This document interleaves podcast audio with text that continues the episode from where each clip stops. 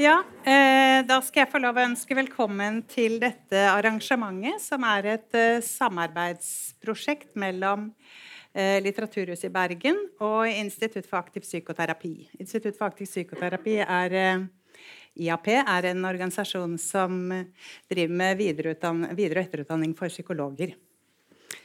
Eh, og jeg heter Anne Beth Grøndal og eh, er da med å arrangere dette på vegne av IAP. Jeg er også psykolog. Dagens tema er 'Når mor eller far blir psykisk syk'. Og til å snakke om det så har vi fått med oss Annelise Haugs, eh, som eh, er Som til daglig jobber i et bofellesskap. Og du har tre barn, tre Mhm. gutter. Og dette skal vi få høre mer om. Åtte, ti og tolv år. Og så er det Gunhild Hangård, som er psykologspesialist og har jobbet mange år i barne- og ungdomspsykiatrien. Og jobber nå i voksenpsykiatrien. Og disse to har møtt hverandre før. Jeg skal bare få opplyse også om at eh, det blir eh, tatt, podcast, tatt opp til podkast, dette arrangementet. Sånn at man kan høre det, eller anbefale det for de som ikke har vært her. Bare sånn at dere vet det. Og så tenkte vi at de siste ti minuttene så kan vi åpne opp for spørsmål, men helst ikke før det. Tema altså når mor eller far blir psykisk syk. Og da kommer vi jo til å snakke litt om dine barn. eh, hva vet de om at du er her i dag? Eh, jeg fortalte de at jeg skulle være med og snakke her på Litteraturhuset da, om eh, at jeg hadde vært, eller, vært syk og sånn, og hvordan det hadde vært for, for de da. Og jeg skal snakke litt om det. Ja. Hva syns de om det? De, de to minste brydde ikke seg sånn kjempemye. Men han eldste ble litt bekymret, da, for han var redd for at jeg skulle bli stresset. Og Ja. At det skulle være en dum opplevelse da, Ja. for meg. Mm. Ja, litt bekymret. Ja. Men så, så liksom gikk de med på at du gjorde det likevel? ja da, så forklarte jeg til han at det er en bra ting for mamma å gjøre, og at eh, kanskje, det, kanskje det hjelper noen. Kanskje det Ja. Det må, at det i hvert fall kommer til å hjelpe meg, da. At jeg får litt mestringsfølelse når jeg går herifra. Mm. Så det var han veldig giret på. Og i dag hjem fra hentet de på skolen, så spurte jeg om de husket hva jeg skulle i dag. Ja, han husket det. Så, men du må ikke stresse, mamma. Det går helt fint. Så, ja, det går fint. Jeg har litt sommerfugler i magen. Så, ja, det hadde han òg når han skulle ha matteprøve. Så det, det skjønte han. Så han skjønte hva det var. Ja. Ja. Alle har mat nei, matteprøve, sier alle har litt sommerfugler i magen. Vi sitter her oppe sånn på begynnelsen, i hvert fall. Ja. Eh, det er, jo ikke, er ikke hvordan du var syk som er noe hovedtema her, men bare sånn for å si litt du, på, For en del år tilbake så toppet det seg litt for deg, eller hva man nå kaller det. Begeret ble fullt, eller noe sånt. ja. Og du ble sykmeldt. ja. Ja. Det ble jeg. Det ble jeg veldig Det var sånn angstrelaterte greier, da. Ja. veldig. Mm. Og da fant du ut at nå var det tid for å søke hjelp. Ja. det Du hadde ikke gjorde tenkt å gjøre det da, du hadde tenkt å vente. Ja, jeg skulle vente. Jeg skulle vente til ungene mine var flyttet ut. Når jeg var 40 eller noe, da skulle jeg ha hjelp. Sånn at ikke de ble plaget med dette. Ja, det skulle ikke gå utover de. Ja. Det skulle det ikke. Jeg prøvde jo en gang før når jeg var eh, rundt Ja, når jeg var 20, men da var jeg aleine med de to, eh, to eldste, da. Og da følte jeg at det gikk utover de. Ja. Så da var det, da stoppet jeg, og det ble en lang, lang pause. Ja. Mm. Ja, akkurat. Så du tenkte den gang at du skulle beskytte barna dine, Ja. skjerme dem mot dette som plaget deg. Men det høres ut som du tenker litt annerledes om hvordan den beskyttelsen skal foregå nå. Ja, absolutt. For du hadde nok ikke sittet her da for, de, Nei, for den tiden og skulle snakke om dette. Det hadde jeg ikke. Eh, så møtte du altså Gunhild Hagar som du hadde noen tanker om Og din rolle i, i forhold til DPS-en, som også handler om eh, ivaretakelse av barn. Eller fokus på barn. Kan ikke du si litt om det? Ja, altså eh, Jeg jobber som psykolog da ved en poliklinikk for voksne. Mm. Og så er jeg koordinator for det som blir kalt barneansvarlige. Mm -hmm. Og det er eh, fordi at alle sykehus eller helse, de som driver og gir helsehjelp da, til voksne pasienter, eh, skal ha fokus på også barna mhm. som pårørende, og faktisk også søsken. Ja. ja. Eh, og det skjedde etter en lovendring i 2010. Mm -hmm. Hvor barn som pårørende fikk eh, rettigheter for å bli sett og hørt. Ja. Fordi over, ja, egentlig all, mye før det ikke har blitt sett og hørt. Men du, At man skal ha fokus på barna, eh, betyr det at man skal bare tenke litt på dem, snakke med dem, mm -hmm. eh, snakke om dem? Eh, ja, nei, det er jo fordi at vi veit jo etter hvert ganske mye om eh, at barn ofte får med seg ting, ikke mhm. sant? At, eh, at de eh, ja, legge merke til ting. De mhm. kan eh, bekymre seg. Mhm. De kan bli gående mye aleine med det de mm, prøver å skape en mening ut av. Um, og i undersøkelser når barn har blitt spurt om hva som på en måte plager det, eller noe sånt, så er det jo det at de ofte bekymrer seg for mammaen eller pappaen. Mm -hmm. Og at de strever med å forstå egne reaksjoner og følelser, og har kanskje ingen de tør å snakke med det om. ikke mhm. sant? Eh, for så lenge ikke vi voksne er de som tar liksom ansvar for å åpne da, mhm. opp for at dette kan vi faktisk snakke om, det er ikke farlig, -hmm. så er det ganske vanskelig for barn å skulle ta det første skrittet. Ja. Um, og så er det jo også i et forebyggingsperspektiv ikke sant, at vi vet at mange barn av voksne med enten rusmiddelproblematikk, eh, alvorlig somatisk sykdom eller psykiske vansker Det går jo bra med veldig mange, men mm. vi vet samtidig at det er en risikofaktor å vokse opp mm. med en av de tingene i familien. Mm. Eh, så for å også på en måte forebygge at neste generasjon får vansker, ja så tenker man at det er eh, hensiktsmessig og bra å involvere barn og gi dem informasjon. I hvert fall at vi som jobber med voksne, da, har, at vi skal um, undersøke om pasienten vår har barn. Mm -hmm. Og at vi skal undersøke litt om de barna trenger noe mer informasjon eller oppfølging. Ja. Ja. Så det er faktisk en skal-oppgave. Det er ikke noe vi kan gjøre hvis vi Nei. har lyst, men det, det, er på en måte noe vi skal gjøre. Ja, vi, ja. Og da tenker du de som jobber med voksne. Ja. ja. Mm. Kjenner du deg igjen i dette eh, med altså at barna dine kunne være bekymret? Ja, jeg gjør jo det nå. Men eh, da når jeg ble syk og sånn, så var jo det ikke et alternativ å snakke med ungene om det.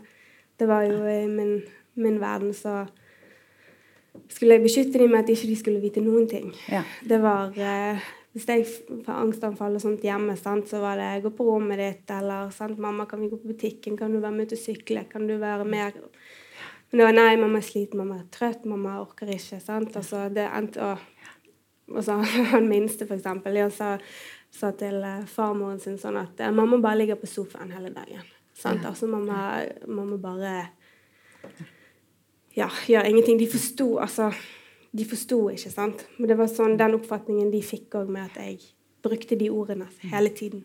Ja. Og om igjen og om igjen. Og så er det begrenset for hvor mange ganger man kan si at man er sliten. Sant? Ja. Det er jo så... jeg, vet ikke, jeg, vet ikke, helt hvor grensen går. Det er sikkert ganske mange ganger. Ja, For det er, det er, det du prøvde å si til dem. At det var en, en, ting med deg, men ikke mm, mm, akkurat hva. Mm. Så de merket ganske mye av det som skjedde. Ja.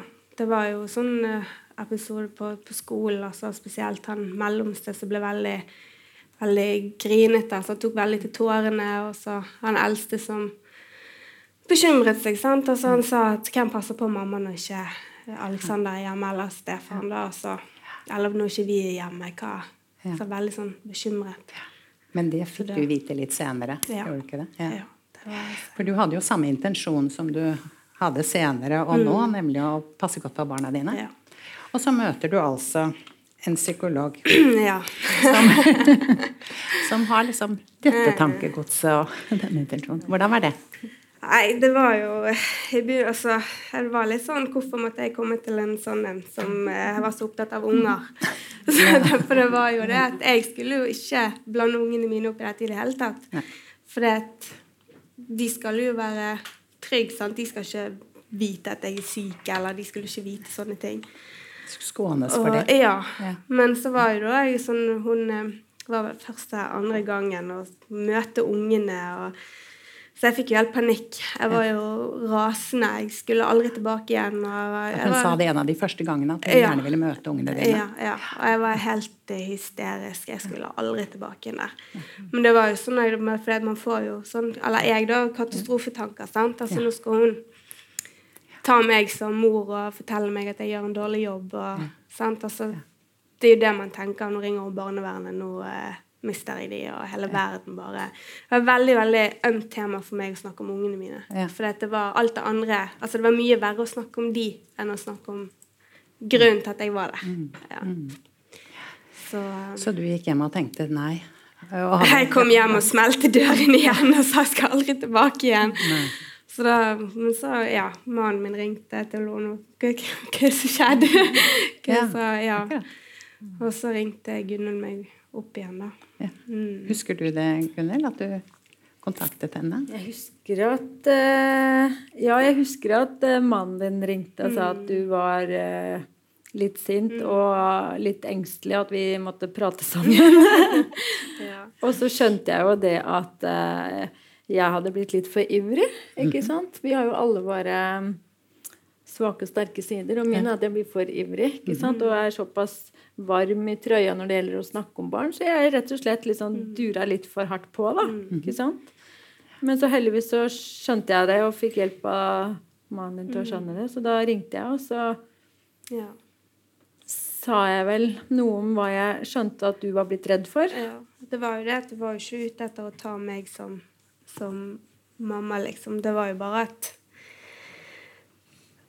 At vi skulle se ungene i dette her. sant? At det var hvordan de hadde det, og hvordan de tok det, og hva jeg så. sant? Så det var jo det. Men da òg tenkte jo jeg at de, det går bra med de. De ser jo de ser jo ingenting. De er jo skjermet for dette. Men så viste det seg seinere at de var ikke det. Men du våget å gå tilbake til eh, Jeg gjorde det. Ja, Ja. jeg gjorde det. Men det var nok det at hun ringte til meg og forklarte det, og så Ja. Det ble litt mm. Så Vi det tok var jo det litt roligere. Ja, ja, ja. Vi, vi tilpassa litt. Mm. ja. Vi fant en litt bedre dans. Ja. Ja. Men du sluttet ikke å, å ta opp dette temaet, forsto jeg? Sant? Hun kom Mm. Det var eh, flere altså det, Jeg var vel Jeg tror jeg var der en ti-tolv ganger. Og underveis snakket vi om ungene, og så kom det sånne drypp sant, at jeg som omstilte hodet mitt litt. Som gjorde at jeg tørde Og underveis så fortalte jeg jo ungene litt og litt. sant? Etter hvert så var det ikke det så farlig, tanken på at de skulle få møte Gunhild. Og at de skulle få vite litt mer om hva som foregikk, da. Altså hvorfor det var som det var. Mm. Det hadde kanskje også med at du ble litt tryggere på henne? Absolutt. At hun ville deg vel? Ja. At hun var ikke ute etter å ta meg. Det var jo det. Hun var jo der for å hjelpe. Fikk du også inntrykk av at hun tenkte at du var en bra mor? Ja, jeg gjorde jo det.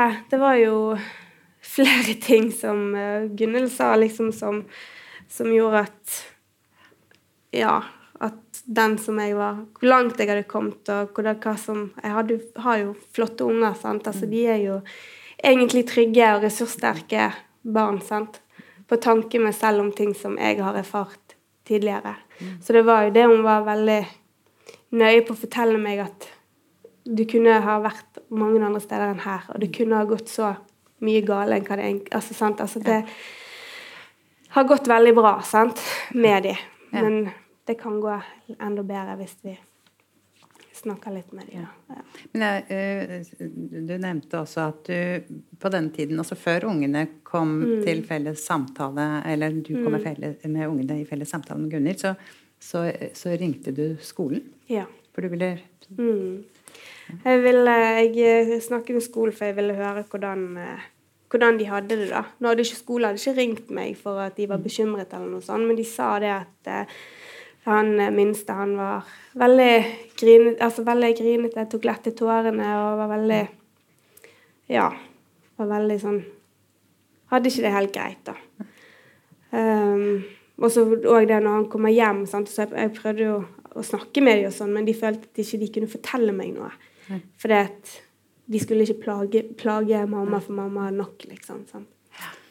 Og det, sånn var jo det med Mathias òg, at det var Han var jo veldig bekymret. Sant? Hvem passet på meg når ikke denne, han, noen var hjemme? Og, og det er liksom ikke en oppgave en da var en tiåring skal ha, sant, og åtteåring. Altså, det er ikke greit. Men du sa jo til skolen også hva Ja, jeg fortalte skolen. Fordi du hadde ikke vært på foreldremøter? Nei, jeg hadde ikke vært, var ikke med på foreldremøter eller 17. mai-er eller skoleavslutninger. Ingenting. Og det, så sa jo det til læreren òg, det at eh, at jeg ville fortelle dem hva det gikk i da. At, Ja. eh, og det hjalp jo meg òg seinere med at jeg gikk på foreldremøter, og jeg var med. Selv om hvis jeg fikk et angstanfall, så var ikke det så farlig, fordi at de visste jo om det. Altså, det de gikk jo fint. Det var jo ikke, de tenkte jo ikke noe stygt om meg fordi at jeg hadde det. Sant? Det det var jo en positiv ting, det. At jeg prøvde å komme meg ut av det. Sant? Ja. Jeg vil jo tenke som lærer at man antagelig syns at dette var en ganske omsorgsfull mor og, og, modig mor som tør å ringe og si at du sliter med den slags type problemer, og lurer på om det går utover ungene, om de merker noe på ungene dine. Um, De sier jo det nå at de, altså, nå er jo det veldig stor forskjell, og de sier jo det sånn at skole, altså, Vi er jo unge foreldre, sant. Altså, vi har jo vært det hele veien, og de sier at vi er vanvittig ressurssterke, og vi er der for ungene. Altså, lærerne de skryter veldig mye av oss som foreldre, da. Og det er jo Det hjelper jo på. Selv om de vet alt det som de vet nå, sant. Og de ser ungene Eller da jeg var syk, at de så ungene at de kunne snakke med dem om dette her, at de hadde noen å snakke med i tillegg. At de var ikke nødt til å komme hjem til mamma og fortelle det. sant?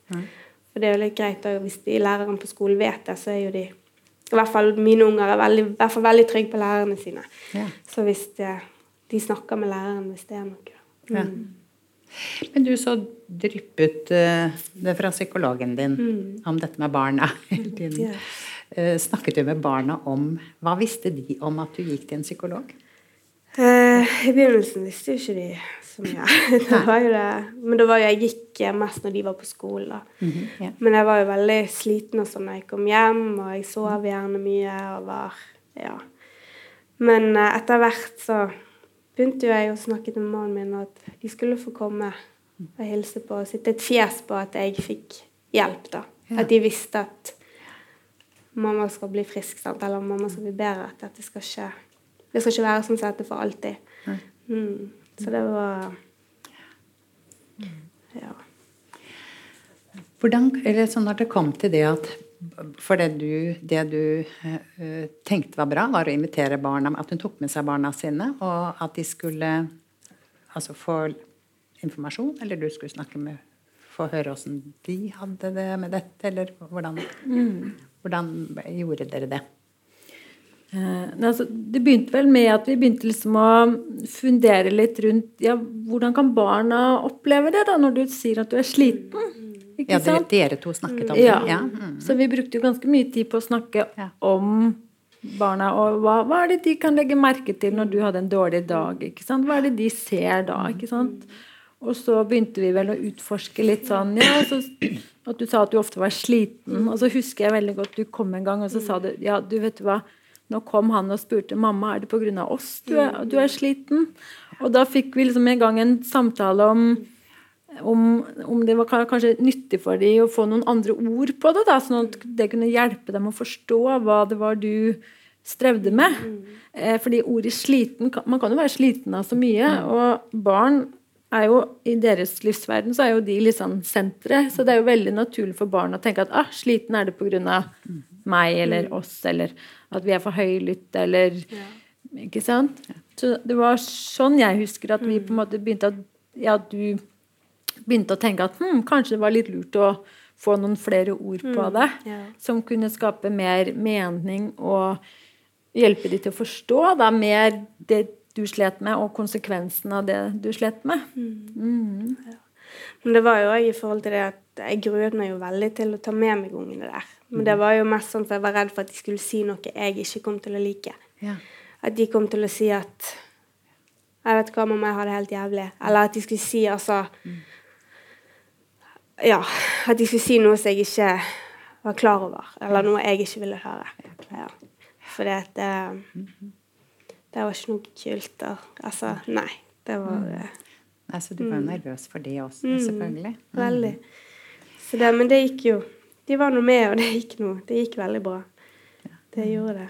Hva tenker du at var viktig for de i den, eh, den samtalen de var Var det én eller flere samtaler? Det, vi hadde bare Det ja, Det var bare én, ja. Eh, Men de ville være med flere ganger, men det var fordi de fikk is. Så det var liksom Hun var veldig grei, hun damen, mamma. Hun hadde is. Ja, ja. Så det, ja.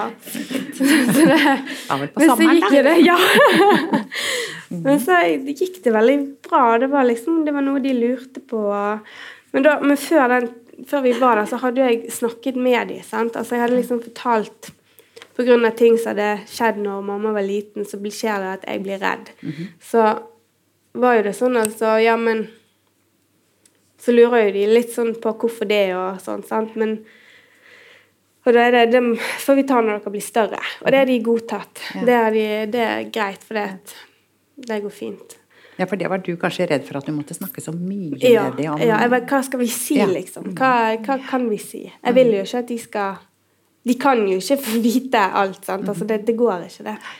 Så, um, så det var eh, Ja, jeg vet ikke. De tok det Og det tenker jeg, det, det var jo viktig for oss og viktig for meg å gi deg støtte på at vi skal jo ikke fortelle alt. Barn har ikke godt av å vite om alt du har opplevd som liten, ikke sant? Fordi så, så det å på en måte mm, Det var viktig for oss å bli enige om at eh, Men hva kan man si, da? ikke sant? Hva er det som kan passe en åtteåring å få vite, og hvilke ord kan man bruke? og og så er det sånn, sånn at barn får jo ofte med seg mye mer enn det vi voksne tror. ikke sant? Og det er jo veldig forståelsesfullt at man Du gjorde det jo av å ville beskytte det, ikke sant? Og, det er jo en veldig vanlig tanke at vi beskytter ved å ikke snakke med. ikke sant? Fordi at det de eh, ikke får vite, det har de på en måte ikke vondt av. ikke sant? Eh, men så er det jo sånn at barn prøver jo uansett å skape mening i det de opplever.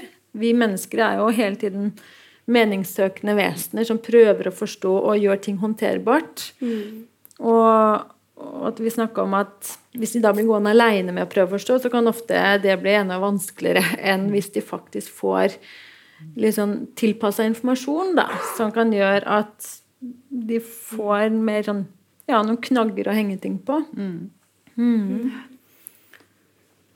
Ja, sånn at dere var dere hadde snakket ganske mye om hvordan dere skulle snakke med barna i den samtalen. Så det eneste liksom, man ikke visste noe om, det var hva barna skulle si. Ja, men det var litt sånn her, for, for det, jeg ble litt overrasket, for de var ikke sånn kjempeinteressert. De var liksom de var liksom med, men jeg tror det var fordi det var hele opplevelsen òg, for det var noe vi gjorde sammen, vi fem. Vi var altså meg og mannen min og de tre ungene. sant? Det var, Når hadde vi lekt storleken sin sammen, liksom? sant? Så jeg tror det var, det var stort fordi at vi bare gjorde det. For det, at, det var liksom Jeg kan ikke huske at de spurte så mye. Altså Det var litt sånn Vi forklarte litt, eller Gunhild forklarte litt hva, hva angst var. Altså At det ikke er noe som er farlig, og at jeg hjelper mamma, og hun kommer her. og Så var det liksom Ja, det gikk veldig, veldig greit. Ja. Det var eh, mm, Det var Også for han eldstemann som hadde vært veldig bekymret på hvem som passet på deg. Mm. Ja.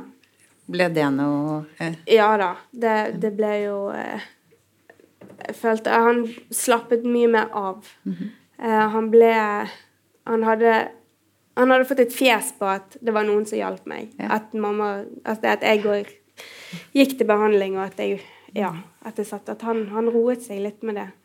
Men han fikk jo mye mer spørsmål til meg da, noe sånt seinere. Men det er jo i forhold til hvorfor og hva og hvem og Ja. Så er det litt sånn Ja, for det er nok Ja. ganske mange som ikke vil fortelle barna sine at man søker hjelp, fordi man som voksne ønsker å være sterke og beskyttende og sånn, og at det skal på en måte gi et slags tegn på at man ikke, kontro ikke har kontroll, eller ikke, ikke behersker det hele, og at det da ikke blir formidlet til barna at man faktisk kan søke hjelp, og at det er en, det er en god, nyttig ting. Ja. En god ting. Så det, men det fikk du også formidlet til dem. Ja. Ja. Så nå, altså sånn som vi har det hjemme nå, og sånn som det var, det er jo en helt annen verden. Hva var det som skjedde? Var det liksom noe eh, Altså for barna og for deg så ble noe annerledes? Ja, det var jo det at jeg tølte når jeg tørde å eksponere meg mer. Altså med sånne enkeltting som å spise middag sammen med ungene var jo et problem. Det var fordi at jeg ble jo full i angst, og det, var, det, det gikk ikke. Og det tenkte jeg dette skal ikke ungene mine se. Så derfor så spiste jeg alene, og de spiste Ja, for du var redd for å få en angstanfall Ja. mens dere Ja. spiste, at de ikke skulle se det og bli redde? Ja. Men pga. at ungene da fikk vite mer, Ja. så ble det ufarliggjort. Og det ble ufarliggjort for meg. Det var ikke farlig at de så at jeg ble stresset. sant? At det, det skjedde noe altså, For det var, jeg var en gang, da var, det, da var det han eldste, og da sa jo han det. altså, 'Mamma, det går jo fint. Det er jo bare oss som er her. Mamma, du må jo bare tenke på oss.' Sant? Det går fint. Det er ingen som altså, Og det sier han liksom. Han er Ja. Det var helt eh, Han Ja. deg liksom på at du er med At jeg er her, ja, sant? Du, du er her, mamma. Det, det går bra. sant? Det er blant disse greie menneskene her. Ja, sant? Altså, han, han, og det gjorde også sånn som Og da begynne å gå på butikken igjen med ungene. sant? Og så gå og heller fokusere på, på ungene mine istedenfor alt annet rundt og det som var inni meg. sant? Så det hjalp, det hjalp meg veldig, og det hjalp ungene veldig. Så det å hjalp liksom på ditt stress, sånn Ja. at du faktisk fikk mindre Ja. angst. Eller du visste jo også sikkert mer om hvordan du kunne håndtere Ja, ting. ja, men det, da fant jeg en måte å håndtere det sammen, selv om jeg var med ungene. Det var eh, Det var ikke farlig heller å være hjemme alene med ungene. Sant? Det var jo eh, lenge òg jeg ikke klarte det en gang òg, for de skulle ikke se. Sant? De skulle ikke vite noen ting. Så da måtte Så han mannen min ble jo sykemeldt og måtte være hjemme Ja. sammen med, med oss, fordi han måtte ta seg ut av de da. Ja. Mm. Men så holdt jeg på å si, turte du å få å kjenne på angst mens du var sammen med ungene. Hvordan artet det seg da, liksom etter dette, for ungene, tror du? Altså Jeg vet ikke. Det ble De følte vel gjerne at Altså, jeg, jeg vet ikke helt. De Du slapp å si det der at jeg, mamma bare ja, mamma, ja, det, ja, altså det ikke, ikke Ja. De så det. Altså, det var ikke farlig lenger. Det var, og det var mye lettere å fokusere på andre ting. Sant? Altså fokusere på ungene og være til stede, liksom. Ja, for det hørtes ut som du måtte bruke veldig mye tid og krefter på å være unna de, Ja, ja. Og, og, og skjerme de da, Ja. for deg, på en måte. Mm, det var det. Og det, også, å slippe det. Ja. Det er jo Ja. Fortsatt, altså fortsatt kan jo det skje, sant. Altså at Men da er jo det Ja, men det går bra, mamma. Det går fint. Det går over. sant? Altså, det går bra. Altså, det er ikke den der eh, at jeg blir helt stresset og går på rommet og ikke kommer inn igjen før jeg sier dere kan. sant? Altså, det var veldig sånn Ja. Så det ble liksom andre ting dere kunne gjøre hjemme hos dere. Mm. ja. ja. Hva slags, bare for tilbake til den, barnesa- den samtalen Mm. ungene var med. Hva, hva liksom, tenker du om, om den samtalen? Hvordan den ble i forhold til hva du hadde planlagt i forhold til det som var oppdraget ditt, på en måte?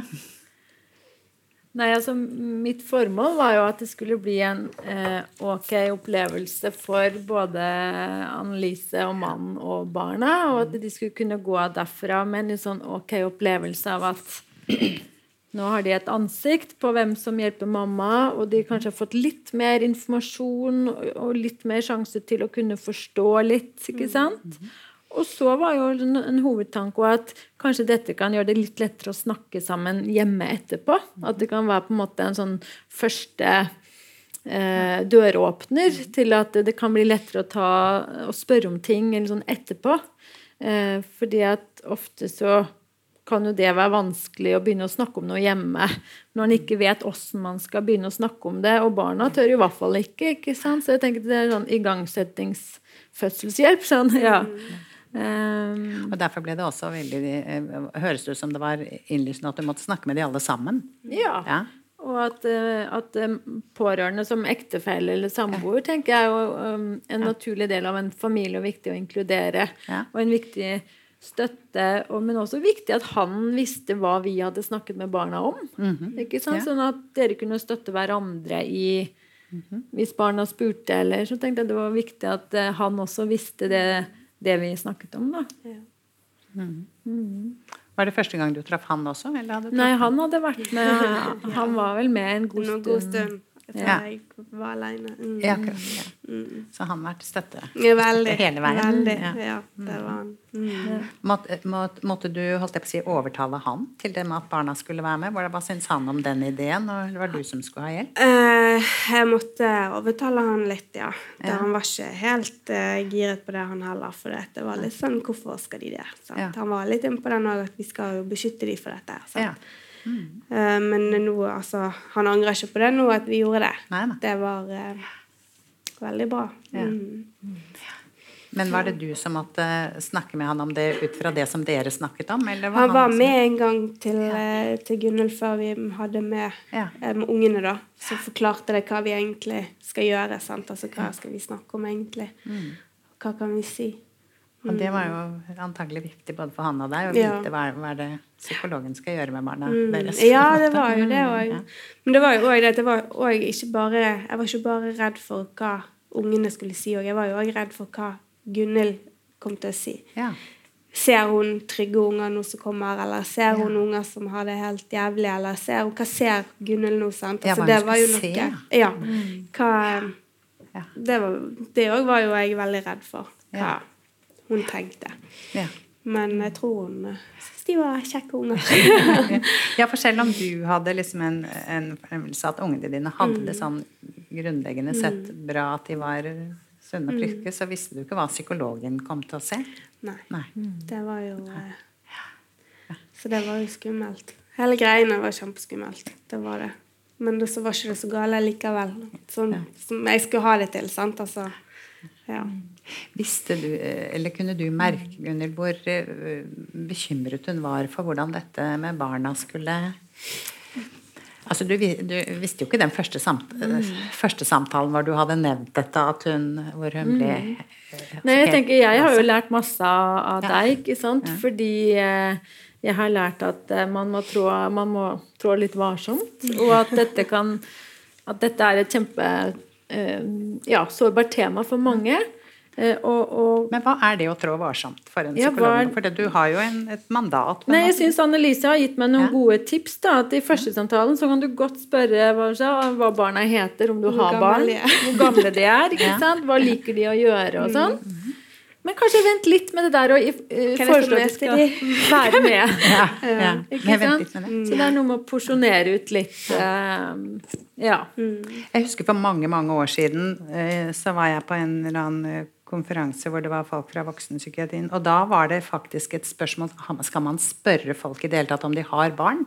For da minner man de det- var motforestillingen, at da kan man minne de på at de har barn. Jeg vet ikke hvordan man Eller ah, da kan man liksom så det lille frøet om at kanskje barna dine plages av det som du sliter med. på en måte. Og at man ikke skulle gi dem dårlig samvittighet. ja. Så da var det en slags kamp om man i det hele tatt skulle liksom snakke om at folk hadde barn. ja. Hvilket de aller fleste altså de aller fleste som søker hjelp, voksne mennesker, har jo barn. Og de fleste Ja, og, og nå er jo det noe vi skal, men jeg tenker det handler jo fryktelig mye om måten vi gjør det på. Og det jeg har lært mye da av Annelise Anne-Lise og den kontakten vi har hatt, er jo at det er så viktig å validere, eller forstå og uttrykke på en måte forståelse for at dette kan være fryktelig skummelt å snakke om. Eh, og at bak enhver på en måte sånn Nei, nei, ungene mine har det bra, de trenger vi ikke å snakke om, men de merker ingenting. Så ligger det veldig ofte en veldig stor frykt, ikke sant? Og egentlig en sånn Åh, tenk om de blir skikkelig påvirka. Ikke sant? Og hva da? Tenk om jeg ødelegger deres oppvekst. Så ligger det ofte en veldig stor frykt. Og det hvis vi på en måte anerkjenner og setter ord på at den er der, da, og den er der hos mange, så kan jo det være med å ja, ufarliggjøre det, og at den kan føle seg litt mer forstått. Eh, og at eh, det er viktig for oss som behandlere å da forklare litt hensikten med hvorfor vi spør. ikke sant? At det er ikke for å ta noen for å være dårlige foreldre, men det er rett og slett fordi at eh, vi vet at barn kan bekymre seg. ikke sant? At når, når, når det har vært undersøkelser og barn blir spurt, så vet vi at de kan blir gående litt aleine. Sant? Og selv om ikke de får informasjon, så prøver de på en måte å forstå likevel. Så ja. mitt saying er blitt liksom det barn ikke vet, har de vondt av. Mm. Eh, og det er bedre å gi de tilpassa informasjon som kan gjøre at det de opplever, blir mer håndterbart. da. Mm. Ja. Verden blir litt mer begripelig. Mm. Ja. For fantasien til barn kan ofte være mye verre enn mm. de fakta de får servert, ja. som er liksom tilpassa. Ja. Men at det er liksom to hovedbekymringer man kan ha. Det ene er liksom sånn eh, Skader jeg barna mine mm. med det jeg sliter med? Eller mm. er jeg, ikke, er jeg så dårlig at barnevernstjenesten skal eh, være spøke i fjerne, på en måte? Så det er de to tingene du tenker at man må liksom finne Man må sette, sette ord på ja. den største frykten. Ja. Eh, og, så, og, derfor så eh, pleier jeg også å si noe om det. At vi som behandlere har jo det vi kaller meldeplikt mm. til barnevernet. Ja. Eh, når det er virkelig reell grunn for bekymring. Da er det en alvorlig bekymring. Ja, ikke sant? Så eh, og, men at barnevernet er jo først og fremst for å hjelpe familier, og 90% av tiltakene er jo inn i hjemmet. ikke sant? Men at også berolige på at det er på en måte ikke det er ikke det det er ikke første på en måte man er opptatt av, eller mitt, mitt, budskap er jo å hjelpe mm. pasienten og familien til å ha det bedre. Ja. Og leve godt med sykdom eller med situasjonen som er, da.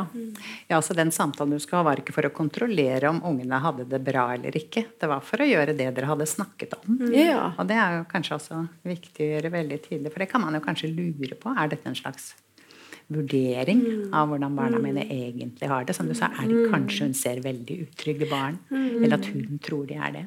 Ja. Ja, så det å sette ord på den frykten man kan ha. Er det andre ting man kan være redd for med dette med, tror du? Det var vel I hovedgrunnen det jeg var mest redd for, var jo hva Om de kom til å si noe jeg ikke likte. Ja. Mm. Og hva Gunhild tenkte om ungene. Sant? Og om de faktisk ikke hadde det bra. Ja. Når du forteller om det, så er det liksom så innlysende om at det er en litt sånn snuprosess som må få litt tid. Mm. Den er fra du har liksom vært opptatt av å skulle skjerme barna dine mm. veldig for det som du tenkte ikke var så bra for de å vite om, nemlig mm. hvordan du hadde det og hva du opplevde og sånne ting. Og så plutselig kommer hun og sier at de skal snakke om det. altså Som blir liksom det mm. helt mm. motsatte. altså. Åpenhet i forhold til det, selv om du da etter hvert erfarte å kunne bruke noe av det mm. eh, til eh, hjelp for både deg selv og ungene. Mm. Ja. ja. for det var jo det. Det ble jo fullstendig krasj i hodet mitt når det var snakk om at ungene skulle få vite noen ting som helst. For det var jo jeg har jobbet så mange år for at de ikke skulle vite noen ting. Sant? Ja, sant. Men um, så får de med seg så mye mer enn vi tror. Ja, så er det av og til liksom, noen ting som er kanskje naturlig for psykologer, som ikke nødvendigvis er så naturlig for folk som ikke mm. har liksom, holdt på så veldig med akkurat dette. sånn at vi har vi snakket om Kanskje jeg blir litt, iv, litt sånn mm. ivrig, og at ting må skje litt fort. Mm. Ja, for å gjøre dette. Og du brukte tid på det når du skjønte at hun var At eh, hun ble litt overrumplet og så, så, så, så, skjønte du det, og du kontaktet henne, så, men så du ga jo ikke opp prosjektet. Nei, og det tenker jeg er jo litt fort gjort, da. ikke sant? Ja. Fordi som behandler så kan man jo være litt redd for å være for påtrengende, eller på en måte man er redd for å miste kontakten eller alliansen, eller sånn, så kan man liksom bli litt forsiktig og Nei, men da snakker vi ikke mer om det. ikke sant? Da, da er det sånn ikke tema. Mm. Um, men uh, siden Ja, siden jeg vet at barn ofte ja, får med seg ting og sånn, så, så var det jo mer det at vi snakket om det på en litt mer sånn At hun skjønte at jeg var interessert da, og ville, ja, ville dere godt. Mm. Eh, og så bruke litt tid på, på det, rett og slett. Ja. Eh, for jeg tenker altså kan, Som behandler kan man gå i ene fallgruven og ikke tematisere barn. ikke mm. sant? Og bare la være. Mm. Unngå hele på en måte, at det er ubehagelig. Mm. Eh, eller så kan man jo på en måte tenke at å ja, nå skal vi kartlegge barnas situasjon, her har jeg et skjema, og så fyrer man løs, og så mister du den gode kontakten som man kanskje har bygd opp. Mm. Eh, så jeg tenker det der å på en måte mm, gjøre det til en prosess, da, mer enn sånn at ja, nå kan jeg sjekke av at jeg har snakket om barna. At man må på en måte la det bli litt mer naturlig del av kanskje flere samtaler, og at det trengs å modnes litt. Ja. Og så høres det ut som ditt fokus på barna, som var et viktig anliggende, eh, det, det var jo det altså, Dere snakket selvfølgelig litt om Eller ikke litt, dere snakket jo om hva du plagdes med, og Ja, ja. hvorfor det har blitt sånn, og hvordan du skulle håndtere det og sånn. Men i tillegg så kom det jo også hvordan dette artet seg i hverdagslivet ditt, og der kom jo barna inn. Så du hadde jo fokus på det mange ganger, bortsett fra Eller i tillegg til den gangen du faktisk snakket med barna. Og det høres ut som en viktig ting også. Det, og at det var som å ta ditt, livet ditt på alvor. Hvor du eh, levde jo livet ditt sammen med barna dine og mannen din og sånn. og Hvordan dette artet seg der, da. Mm. Så dere gjorde vel begge deler. Ja. Ja. Ja, også det å på en måte snakke om på hvilke måter kan ungene på en måte bli bekymra, eller merke at en ikke har det bra, eller i stedet for å stille sånn ja-nei-spørsmål, sånn blir barna dine altså, påvirket? Ja, nei. Ja. Um, og så på en måte utforske på ja, hvilke ord man bruker, og på hvilken, liksom, ja, hvordan kan det oppfattes hvis en prøver å ta barnets perspektiv og leve seg inn i ofte man, Kan man være så redd eller opptatt av sitt eget perspektiv, da? ikke sant? At det, det å liksom bruke litt tid på å kunne se det fra barnets ståsted, Ja. hvordan de kan oppfatte det som skjer og blir sagt. Ja. Ja, at det ble viktig. Og da høres det jo ut som også du fikk eh, i, sikkert i de samtalene dere hadde, så fikk du jo kanskje også litt mer eh, altså måter å snakke om det du var plaget av Ja. på også, sånn at det, at det ble en større mulighet til å si noe til ungene dine om det. Ja. I tillegg så ble det det at tankemåten min ble jo endret òg, sant. Altså det ble jo fra å være kjempefarlig til å være Ja, det er ikke så gale, sant. Altså Ja. det er jo ikke sånn at jeg det Alternativet var verre enn at jeg ikke snakket med dem. Ja. For da hadde jo vi gjerne fortsatt hatt det sånn, da. Ja. At eh, det er ikke sikkert jeg hadde blitt bedre engang. Det er liksom, sant, for Prosessen med det at de fikk vite dette, gjorde jo det lettere for meg å, å komme bli frisk. Eller, ja. Så det mm. Hadde du tenkt på det også? Nei, det var litt sånn spennende å høre, da, syns jeg. At det der med at det hjalp din egen helningsprosess med å på en måte slippe den tilleggsbelastningen med, med det å skulle drive og skjule, og hvor mye energi det tar, og, og hvor mye fokus det tar. Sånn at det var veldig interessant og, og flott å høre. At liksom når du da kunne slappe litt av med at angst er ikke så farlig, eller om jeg på en måte er veldig tenker mye på fortiden eller blir trist en dag, så er ikke det så farlig. For jeg kan jo bare forklare det kort, og så slår de seg til ro med det. på en måte. At da kunne du senke litt skuldrene. Ja. Og det var jo det òg i forhold til det å være til stede sånn her og nå. sant? Altså det er i forhold til eh, Altså Liksom med flashbacks og sånne ting. da, og så Hvis jeg var da i stuen alene, så kunne jeg gå inn til ungene, og så kunne jeg heller leke med de, og være med de, og være liksom Ja. Komme, bli, komme her og nå igjen, sant? Altså Istedenfor å sitte og furte i altså, i et hjørne i sofaen for meg sjøl. Og, hvis- og det var jo det jo før. Hvis de kom, sant, så var jo det Ikke kom inn her nå. Nei. Sant? Så det der å, å, å, å, ha øvelse i etter hvert å kunne være litt sånn her og nå, og ikke i fortiden, Ja. det blir også her og nå sammen med barna dine. Ja, Ja. Veldig. Så de har merket ganske stor forskjell. Det gjorde de. Det var jo jeg noen eh, som han eldste kom inn på rommet, og han sa bare 'Hvorfor kommer du inn her?' Hva, hva, 'Hvorfor er du her?' 'Hva vil du?' Det var det, Han var ikke vant til det. sant? At jeg kom liksom og Nei. Jeg bare lurer på hva du gjør på. sant? Altså, Ja. Det var jo sånn. Det var rart for han at jeg plutselig Ja. ville være med han. ja. Så det har blitt ganske annerledes også. Ja. Ja. Mm. Det er det. Mm. Hvis du, Annise, skulle Nå har du Det er, er en og annen psykolog her i salen. Så her kan du gi gode råd.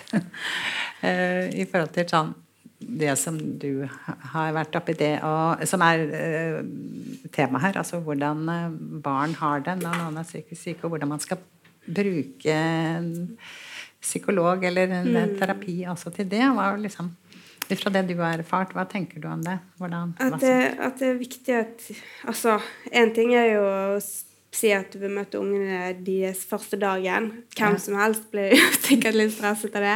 Pluss at det må jo ha vært litt sånn Hvorfor i all verden er jeg som kommer? Ja, det var jo det òg. Hvorfor skal vi snakke om ungene mine? Det er jo meg det handler om. Ja. Hele verden handler om meg, så det skulle liksom ikke være det. Vanskelig å skjønne logikken i det, liksom. Eh, ja.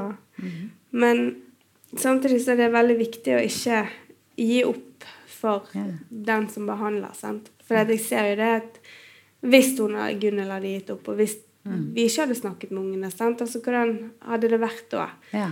For nå har jo jeg altså, enda tryggere unger enn jeg hadde fra før. Sant? Altså, de, de, kommer, og de forteller, og de Jeg tror ikke det er noe vi ikke snakker om nå. Um, og det, sånn hadde ikke vi hatt det hvis det ikke Nei, Da hadde det vært vanskelig å komme på det av deg selv. Ja, at, det hadde det. Kan jeg ta med dette inn i ja. dette rommet òg? Ja. Så selv om hvis en behandler liksom tenker at at nei, jeg burde ikke, da, da dropper vi det, liksom. sant? Ja. Men det er viktig at da må du prøve igjen, og du ja. må prøve igjen, og du må prøve igjen. Og så ja. Du er nesten For det er så viktig. Det er Det er kjempeviktig å involvere ungene. Og så Det er jo ikke sånn at de skal vite hele livshistorien din heller. Det er bare at de skal vite hva som skjer, og ufarliggjøre det. Og ikke ja, Så man kan få hjelp av psykologen også til å finne hva, hva er det som er viktig for ungen å vite, og hva er det som ikke er ja, så viktig at de ja, får vite akkurat her og nå. Si? Ja, og hva kan du si, og hva, og hva, hva er det du er redd for? sant? Altså, det er veldig viktig å få fram det at det er ingen som er ute etter å ta noen. At det er ikke sånn at jeg vil møte ungene, eller sånn altså, Vi snakker ikke om ungene dine heller fordi du skal føle deg så drit, liksom. Det er ikke Nei. det som er meningen. Nei, Og kanskje man må si sånne ting litt mm, tydelig, ja. for det er sånn det kan kjennes. Ja, for det, var jo sånn jeg kjente det. sant? Altså, jeg ble jo Jeg tenkte jo alt det verste. sant? Nå mister jeg dem, nå er det ditt, og nå er det datt. Og så skulle jeg ta dem med. Hva kommer ungene mine til å si? Hva kommer Gunhild til å tenke? Og så bla, bla, bla. sant? Men det er jo bare Men altså, når man sitter der og er full i angst, og du, er, du har mer enn nok med deg sjøl, egentlig. sant? Og så I tillegg skal du dra inn ungene og sånn. Så det er dritskummelt. Mm. Det, det, er det. Det var uh, helt jævlig. Men jeg ser jo nå at uh, jeg er kjempeglad for at vi gjorde det sånn. Og at ikke Gunhild ga opp, da. Ja. Sa at nei, men da driter vi i det. da. Trenger ikke snakke mer om det. Nei, det går fint. Hvordan hadde du det når dere gikk hjem, eller du og mannen din når dere gikk hjem fra den samtalen? Det var veldig bra. Ungene var jo kjempefornøyde. Og de spurte når de kunne være med tilbake igjen, for det var is der, og hun var så grei, hun damen. Og de snakker jo om det enda. Ja. Altså det, husker du når vi var der og vi lekte storleken? Og ja. Det var en veldig positiv opplevelse for alle sammen. Ja. Mm. Så de fikk, fikk en sånn god følelse for det. Det var, det var hyggelig, og dere gjorde hyggelige ting. Og, og de fikk den informasjonen som de de trengte, ja. tror jeg. Ja. Har de referert noe til det de fikk høre, eller hvordan de forstår det der med sliten stress? Nei, altså nå bruker ikke vi eh, sliten og Nei. så mye lenger. nå er det liksom, men nå er det sånn at jeg sier ikke lenger For jeg, jeg, jeg, kan jo være sliten. sant? Jeg har i dag mamma hatt en lang dag på jobb, så jeg er litt trøtt. Ja. Men det er fordi at jeg bare har vært på jobb. sant? Altså, det, er vært, det er ikke noe annet. Ja, Så du kan presisere det litt for ungene ja, dine? Ja, for det, det, må jeg ja. gjøre ja. Også, altså, det var jo også sånn i forhold til at jeg skulle komme her i dag. At uh, Det var jo skummelt òg, for de var, eller han, spesielt den eldste var redd for at jeg skulle ha negativ effekt etterpå. At jeg skulle bli stresset og bli redd og sånne ting. sant? Men så snakket vi om det, og han, så syntes han det var kjempegreit. sant? Så lenge det gikk bra med, med meg. Men det er jo litt sånn Ja. ja. Men det at det ble viktig å, å, å tydeliggjøre hva som er stress, altså ja, hva som er farlig og ikke farlig. på en ja, måte. Ja. Mm. Det, og så fint at de kan spørre deg også. Ja, det, mm. det kan de. Og det er jo jeg det at Jeg kan jo si nå ble, nå ble mamma litt redd. Så nå, nå, kjenner mamma det litt mm. sånn. Ser de på deg da for å liksom se hva som skjer? Ja, og det er jo noen ganger de er litt på litt følsomme òg. At de er litt Jeg ser fortsatt at de er litt sånn Går av og til litt på nåler og spør går det bra. Ja. Går det bra, mamma? Ja. Går det bra? Mhm. så, så en dagen så måtte jeg si at det, det går bra. Ja. Spurte de heller det fortelle deg det hvis det ikke Ja. går bra. sa. Ja. Spurte de deg om det før? Eh, nei. Da, det var liksom de, tål, Det var nesten ikke de snakket, de, de snakket nesten ikke til meg. Det var mannen min de, Ja.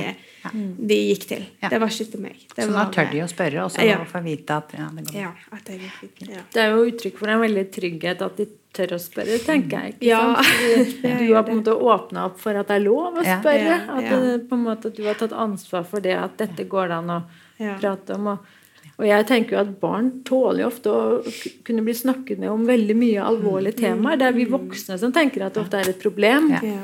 Eh, Det kommer bare an på hvordan man sier det. og sånn, Så er barn ganske mye mer sånn til å akseptere ting enn vi voksne. da, De bare OK, ja, så er det sånn. Da. Og så fortsetter de med leken sin. Eller, så det er vi voksne som ofte problematiserer mye mer. Ja. Og, og ser alle sånn, får alle bekymringstankene om ja, men hva hvis og durt, durt, sant? Barn er litt mer sånn Ja. du, Ok. Og så tenker man kanskje at når man liksom blir helt frisk eller helt ferdig med noe før, så kan man fortelle om det når det er historie. Men sånn er jo ikke livet. Nei, ikke Altså, man kan jo ha deler av sine plager videre, men de trenger ikke å få så stor plass. Sant? Og det er jo det som Sånn det er for meg nå. Og at det ikke er så så skumle eller Ja. ja. vanskelig å tolke, liksom. Ja. Så det er jo Ja. Nei, vi er, vi er den helten i verden. Nå er jo det kan vi gå på kino alene, vi kan gjøre mye alene. Vi trenger Gubben kan få sitte hjemme alene og spille. Han trenger ikke være med hele tiden. Så verden er blitt litt større Rett og slett. Ja. Det er det. og mer sammen. Ja, Ja. det er det. Jeg lurer på om jeg, vi skal, jeg lovte at vi kunne åpne opp for spørsmål de siste ti minuttene. Skal vi gjøre det? Ja, det kan vi. Og så kan vi godt si hvis det er noe mer vi Mm. kommer på. Altså, er det noen som har noe som de har lyst til å kommentere eller spørre om i forhold til det vi har snakket om?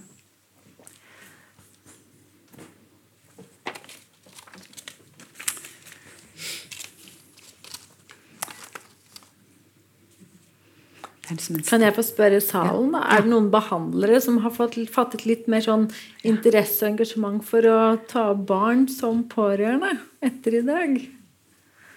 Er det noen som nikker? Håper det. Ja. Fint. Der.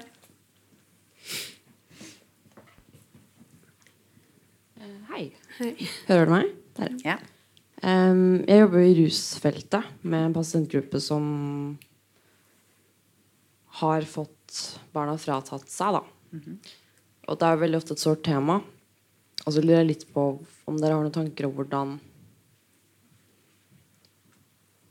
man kan snakke med de om det med barn, selv om de ikke måte nødvendigvis får lov til å se de eller er så mye med de når de først har samvær. Ja, for det kan jo være et viktig tema for den voksne, selv om på en måte de ikke har omsorgen for barna, eller så kan det jo ligge mye følelser der, og ja. Eh, så det er litt vanskelig å gi noe sånn uh, entydig svar på det, men, men um, For det er jo litt en annen situasjon hvis de ikke har noe kontakt, eller på en måte i forhold til ja, hvordan det er for barna, da. Men, men jeg ville jo tenkt at det kan være et viktig tema å sjekke ut med pasienten om det er noe pasienten sjøl er opptatt av, og at man må følge litt det pasienten er opptatt av, men at det sannsynligvis for mange er et sårt tema, og at noen kan ha behov for å få satt ord på det og få hjelp til å liksom, ja, bli møtt med forståelse og aksept for at det er sårt og vanskelig. Eh, så jeg vet ikke om jeg har noe mer sånn Har du noe innspill på det? Altså jeg tenker vel eh, sånn at når, eh, når man snakker med noen som terapeut, så snakker man vel ofte om det som eh, personen er opptatt av, det som er viktig i livet ens. Og det å ha barn, enten man har de hos seg eller ikke, er jo et viktig Det er jo vanligvis ikke et ikke-tema eller noe man ikke er noe opptatt av. Så det å få snakke om det, enten som den sorgen det måtte være, eller den, det håpet det måtte være, eh, tenker jeg er et, et viktig tema. Eh, og så kan man jo sjekke ut med den personen hvordan det er å snakke om hvis man snakker litt om det, hvordan det er, hva de er opptatt av med dette. For en ting er liksom som vi har snakket om mye, kanskje hvordan barna har det, hvordan kan ting oppleves for barna. Eh, det er jo en måte å på en måte kunne ta godt vare på barn. Men så er det jo den delen også hvordan det er for den voksne å være foreldre som ikke har barn. Ja, det er vel kanskje litt tyngre problemstillinger. som de lurer jo på hvorfor ikke de har omsorgen for sine barn. Og hvor mye de skal fortelle barna da, om hvorfor det er tilfellet. Eh, som jeg jo sitter og lurer på. Ja, Altså hvordan de skal fortelle om ja. rusbruket sitt. Rusmisbruket. Eh, ja, for det er jo snakk om ganske Ja. alvorlig Ja. rusmisbruk, stort sett, som de har gjort med. Så Ja. jeg har liksom ikke følt at jeg har noe godt svar å gi heller. Eller noe råd, da. Da må han jo først jobbe litt med om den voksne sjøl har innsikt i hvorfor en er fratatt omsorgen. Da? Har de sjøl en forståelse av hvorfor det har skjedd? Og det vil jo sikkert kunne variere. Eh, I forhold til da hva man kan forklare til barna om hvorfor ikke vi kan bo sammen. ikke sant? Men, men da kan man jo på en måte, litt avhengig av hvor foreldrene er, da, forklare det med at, at mamma eller pappa strever med å kunne ta godt nok vare på deg fordi at jeg har det som heter et rusproblem, som gjør at jeg strever nok med å ta vare på meg selv. Men det kommer jo helt an på da den selvinnsikten og på en måte evnen til å se det fra barnets perspektiv da, og, og, og skjønne at det er et problem for barnet at man ruser seg. Og, eh, men det går jo an å utforske hvordan den voksne forstår det, og hva den voksne har fått vite av barnevernet. Barnevernet har jo en de bør jo forklare litt for den som mister omsorgen, hvorfor det skjer, tenker jeg. ikke sant? For at det skal bli begripelig for den voksne. Eneste parallell måtte være at sånn, hvordan arter det seg for et barn når man ruser seg. er jo en sånn tema som kan man lytte til. Men det var flere spørsmål her baki der. Jeg vet ikke om du fikk litt, bare litt synspunkter på Vi har ikke løst problemet helt.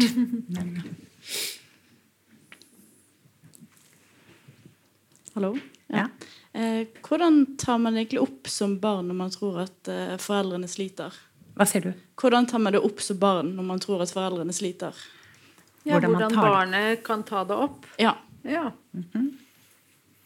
Nei, ofte gjør de jo ikke det, da. Det er jo det som er problemet. De blir gående aleine med å lure på er mine reaksjoner normale, eller er det jeg som Det er noe feil med meg. ikke sant? Så de kan jo gå med mye skam og skyldfølelse og eh, redsel og tristhet uten å få normalisert at de har helt forståelige reaksjoner på noe som faktisk er vanskelig. da, En vanskelig livssituasjon. Så det er jo derfor jeg er opptatt av å ta det opp med mine pasienter. Nettopp det er vi voksne som må være den som ja, ta ansvar og først sette ord på det, da.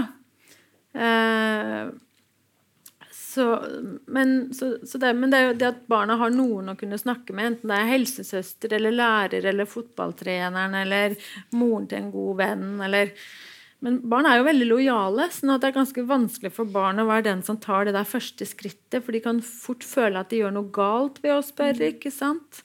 Um, at de kjenner veldig på den lojaliteten til foreldrene. Eh, og derfor så er det jo sånn som Annelise som viser for ungene at her er det lov å snakke om ting, så tar jo det Og da, da hjelper jo hun barna med å slippe den her lojalitetskonflikten, for de vet at det er greit for mamma at vi snakker om dette, eller at Ja. Um, så det kan være kjempevanskelig for barn å skulle Men det fins jo noen sånne anonyme chattesider, ikke sant, og Røde Kors og og Mental Helse og Ungdom. Så det er jo en forum hvor barn kan spørre om ting og sette ord på ting, og kanskje få den første hjelpen til å snakke om, snakke om det. da. Men jeg tenker, det er jo en del voksne som ikke sant, i, i- voksen alder har lurt på ja, hvorfor var det ingen som fortalte meg når jeg var liten at mamma hadde depresjon, eller eh, ikke sant, eller hvorfor var det ingen som forklarte hvorfor pappa tok livet av seg, eller altså at man som voksen da kan kjenne på et savn man hadde som barn, på en måte, for å få forklaring på ting. så har man jo kanskje også andre voksne rundt, altså familie eller venner som Du, du snakket om noen sånne sider man kunne gå Eller hvor man kunne hente inn litt informasjon om, Ja. om hvordan henger dette sammen, så man Det kanskje kunne finnes en del gode ressurser. Man kan gå inn på en uh, side som heter Barns beste uh, på Sørlandet sykehus. Så Der ligger en del informasjon. Det å være pårørende generelt, og det med barn som pårørende. Uh, og så har du en organisasjon som heter Voksne for barn, som har en fin nettside hvor man kan søke informasjon og eventuelt bestille noen sånn brosjyrer som ja, Bl.a. en som heter Håndbok for voksne, som har uh, psykiske lidelser. Hvordan snakke med barna. Eh, Er det for fagfolk, eller for Nei, det er for både hvem- foreldre og fagfolk. Ja. Ja. Og, og jeg vet de har kjøpt inn en del Fant du de bøkene? De har det ikke her i denne bokhandelen, men man kan sikkert finne det andre steder. Ja. ja.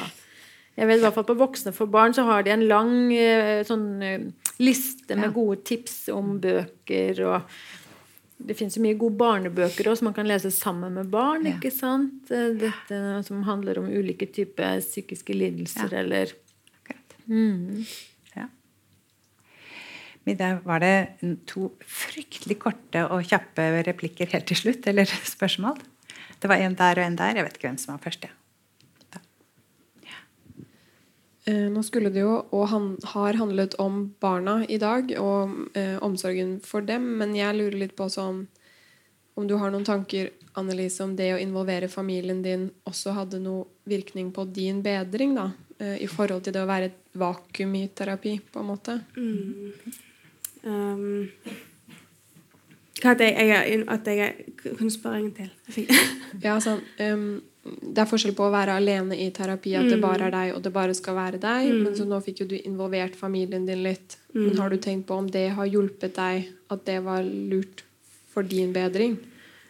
Ja, det har jo Altså, nå har jo ikke jeg hatt sånn kjempemye familie og sånn rundt meg, da. Men jeg har jo hatt uh, mannen min og min svigermor sånn spesielt, da, som har hjulpet mye. At, men det tok tid for de å forstå at jeg var syk, da. Det var ikke noe. De skjønte med en gang at det var litt sånn der Ikke bare ta seg sammen, da. Det, så det tok eh, tid før de forsto det. Og det tok tid for mannen min å forstå det òg. Altså, det var først når han ble med til Gunhild, og hun forklarte mer hva det, hva det går i, at han skjønte mer, da. At det er ikke bare å ta seg sammen. Det fungerer ikke sånn. Da hadde jo man ikke gått til behandling, f.eks. Da hadde jo ikke Nei, det er jo ingen som lyst til, har lyst til å gå rundt og være syk. I hvert fall, sant? Det er jo Ja. Jeg vet ikke. Ja. Ja. Mm. Så det, det var viktig for Vet du, Nå har vi altså mi, minus et halvt minutt igjen, men det var en der som Ikke? Ok. Da, så var det en bakerst der som kan få lov å få siste ordet. Og så må vi avslutte. Så må vi være kort. Um, ja, Hei. jeg har et spørsmål til terapeuten. Um, lurer på egentlig hva foreslår du til barna som aldri fikk hjelp? Altså, Hva tiltak kan de gjøre som voksne, da, f.eks.? De som ikke fikk hjelp. Ja, de møter jo jeg nå i voksenpoliklinikken, blant annet. Ikke sant? At det er ganske mange som blir psykisk syke som voksne, som hadde det strevsomt som barn. Eh, og at det er Vi snakker ganske mye om det lille barnet i, i den voksne, da, ofte. ikke sant? Fordi at som voksen med, med ulike psykiske vansker, så, så handler det noen ganger om at man har strevd med ting som liten, sånn at det blir et tema der. Um, jeg tenker det å snakke med noen. Altså snakke med noen om det. Noen du stoler på. Noen du er trygg på. Og så kan hvordan hjelpe deg å sette, liksom, sette dette sammen. Hvorfor kan det ha blitt sånn når det var Ja. sånn i min oppvekst? Ja. ja. For ofte så er det ikke så lett, alltid lett man ser sammenhengene eller forstår det. Eller man kan ha mye sånn selvkritikk og være mye sånn sint på seg selv. Eller ja. Ofte så, så Så det å snakke med noen som man er trygg på å stole på i forhold til å på en måte kunne mm, se ting i sammenheng, eller at kan har vært gode grunner til at man har de vanskene man har som voksen. Da. Eh, At det kan handle om at det var strevsomt å være barn. Men spørsmålet du tar opp, handler jo også om hvorfor det er viktig å gjøre det som, som dere har gjort her. Fordi at man skal prøve å forebygge. Mm. Det det handler jo om forebygging også. Og jeg tror at vi må stoppe med det. Huske på akkurat det, for det tiden vår er ute. Takk for at dere kom og delte.